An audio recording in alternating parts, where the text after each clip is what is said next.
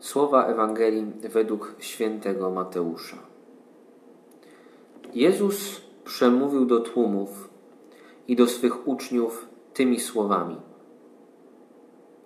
Na katedrze Mojżesza zasiedli uczeni w piśmie i faryzeusze. Czyńcie więc i zachowujcie wszystko, co wam polecą, lecz uczynków ich nie naśladujcie. Mówią bowiem, ale sami nie czynią. Wiążą ciężary wielkie i nie do uniesienia i kładą je ludziom na ramiona, lecz sami palcem ruszyć ich nie chcą.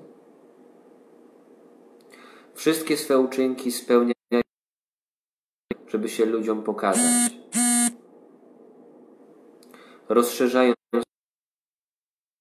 frędzle u płaszczów. Lubią zaszczytne miejsca na ucztach i pierwsze krzesła w synagogach.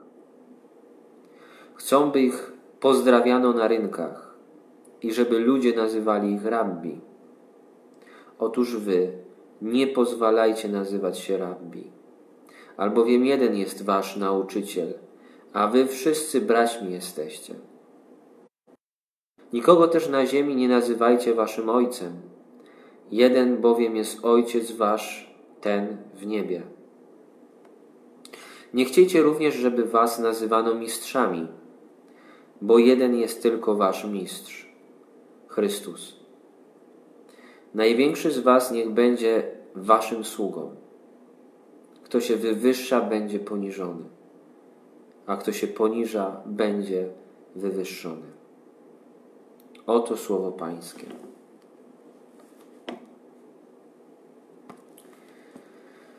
No i co, kochani? Prawda, że słowo dość aktualne, zawsze aktualne i zawsze żywe i zawsze na czas.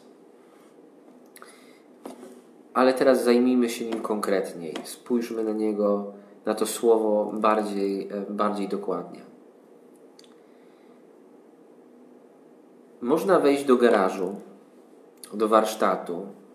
Mówię do garażu, bo u mnie w domu tak było, że warsztat był w garażu. Można, można wejść do warsztatu i wziąć z niego młotek, wziąć z niego piłę, jakieś inne narzędzia, e, iść i pomóc tymi narzędziami naprawić komuś płot, e, rower, nie wiem, cokolwiek. Po prostu z tymi narzędziami można zrobić coś dobrego. Można je wykorzystać jako środek pomocy tym, którzy potrzebują, którzy e, znaleźli się w jakimś kłopocie, e, którzy potrzebują tego, żeby ktoś podał im pomocną dłoń. Tych narzędzi można do tego użyć i w zasadzie do tego zostały stworzone. Do tego, żeby nieść pomoc przy budowaniu, przywracaniu sprawności jakichś właśnie narzędzi, niesieniu pomocy tym, którzy tego potrzebują. Taki sposób techniczny. Ale można też wejść do warsztatu, zabrać młotek i tym młotkiem zrobić komuś krzywdę. Można tak zrobić, ale nie jest to godziwe. Można podejść do religii jak do środka zbawienia. Można czerpać z jej skarbów e, aż do przescenia można się karmić tak, że od razu biegnie się do innych, bo ma się tego tak dużo, że chce się nakarmić też innych. Ale można też wziąć skarb religii i zrobić z niej młotek do bicia po głowie innych. Można w imię Boga obrażać, zabijać, kraść, kłamać? Można. Ale to nie jest godziwe. Można w imię Boga zwoływać krucjaty i nienawidzić. Można też w imię Boga wybić się i wykorzystać religię do tego, żeby być pierwszy, żeby zasiadać na pierwszym miejscu, żeby mieć na to, aby wydłużać swoje frędzle u płaszczów, żeby się podobać ludziom. Można do tego wykorzystać religię, ale to nie jest godziwe. Nie po to została stworzona. Wybaczcie ten to takie pospolite porównanie z młotkiem. Ale młotek nie został stworzony po to, żeby wybijać komuś zęby, ale żeby wbijać gwoździe, do most, tworząc most zgody. Nie po to, żeby nim prowadzić wojny. I tego uczy nas dzisiaj Jezus w tej Ewangelii. Religia nie jest narzędziem. Nie jest narzędziem do niczego, do własnych interesów, w żaden sposób. Jeżeli ktoś podchodzi do wiary w ten sposób, do wiary i do Boga w ten sposób, że chce coś na tym ugrać, to grubo się pomylił. Pomylił adres. I trzeba mu tą pomyłkę jasno uświadomić. Jasno. Do czego ona jest? Po co jest wiara? Po co Bóg nas posyła? Posyła nas po to, żebyśmy byli sługami. Posyła nas po to, żebyśmy służyli. Nie po to, żebyśmy wbili się o pierwsze miejsca i zastanawiali się, kto jest większy.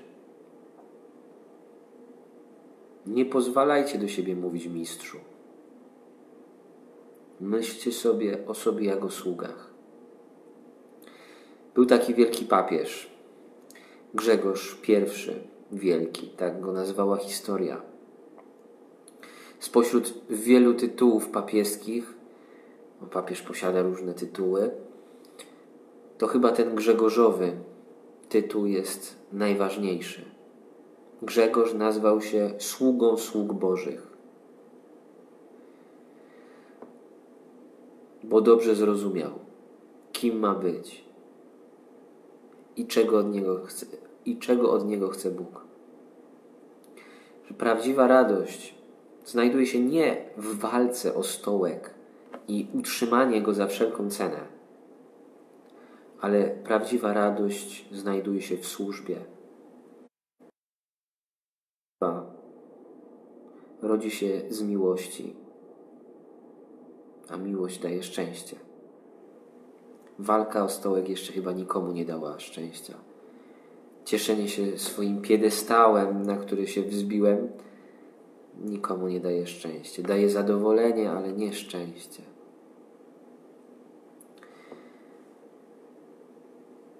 Musimy być tego bardzo świadomi w czasie, w którym żyjemy. Niektórym niestety wydaje się, że można wiarę wykorzystywać w taki niegodziwy sposób. Ale wiecie, ja mam zawsze takie podejście, że staram się nie patrzeć na to, jak ktoś robi coś złego. To znaczy, trzeba mu to wypomnieć. Ale staram się zastanowić, co ja mogę zrobić dobrze My w duszpasterstwie, wiecie, możemy cały czas narzekać. I dobrze zrobimy, jeżeli sobie po imieniu nazwiemy, że to i to jest złem, że wykorzystywanie wiary dla polityki, że wykorzystywanie e, wiary dla szerzenia nienawiści jest złem, no to trzeba sobie to jasno powiedzieć. Ale to, co my możemy zrobić, to wziąć po prostu na serio tę Ewangelię i tworzyć Kościół zdrowy, Kościół, wspólnotę, która służy sobie nawzajem we wspólnocie i tym, którzy są obok nas. Wtedy, niezależnie od tego, co się będzie działo, będziemy szczęśliwi, bo będziemy rozumieli, o czym mówi Ewangelia, bo będziemy kochać. Bóg wywyższa poniżonych. To, że idziesz do kogoś ze służbą, stawia cię tak naprawdę wyżej od niego. I wiesz co? I nie musisz wtedy martwić się o stołek, bo zapewnia ci go sam Bóg. Nie musisz się wtedy chcieć pokazać, bo on cię pokaże.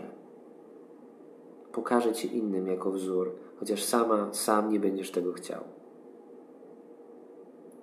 Tylko trzeba z wiary skorzystać tak, jak do tego została stworzona. Młotkiem wbijaj gwoździe, budując most zgody, a nie wybijaj zęby tym, którzy myślą inaczej.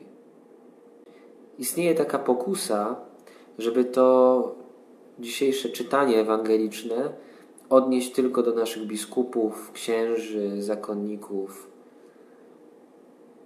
Istnieje taka pokusa i pewnie nie byłoby to takie złe. Myślę, że wszyscy, którzy tworzą kościół hierarchiczny, muszą w tę niedzielę przysiąść do tej Ewangelii porządnie i zrobić sobie przy tej Ewangelii rachunek sumienia. Ale ta Ewangelia to my ją teraz słyszymy. Ona jest do nas. Chciałbym, żebyśmy ją czytali bardzo pozytywnie. Żebyśmy wiedzieli, że mamy uniknąć wyniosłości, bo ona po prostu nie da nam szczęścia. Będzie zakłamaniem. Ta Ewangelia zachęca nas do tego, żebyśmy się rozejrzeli, żebyśmy spojrzeli na drugiego brata, na siostrę we wspólnocie i poza nią, i żebyśmy zobaczyli ich potrzeby. A widząc te potrzeby, żebyśmy chcieli służyć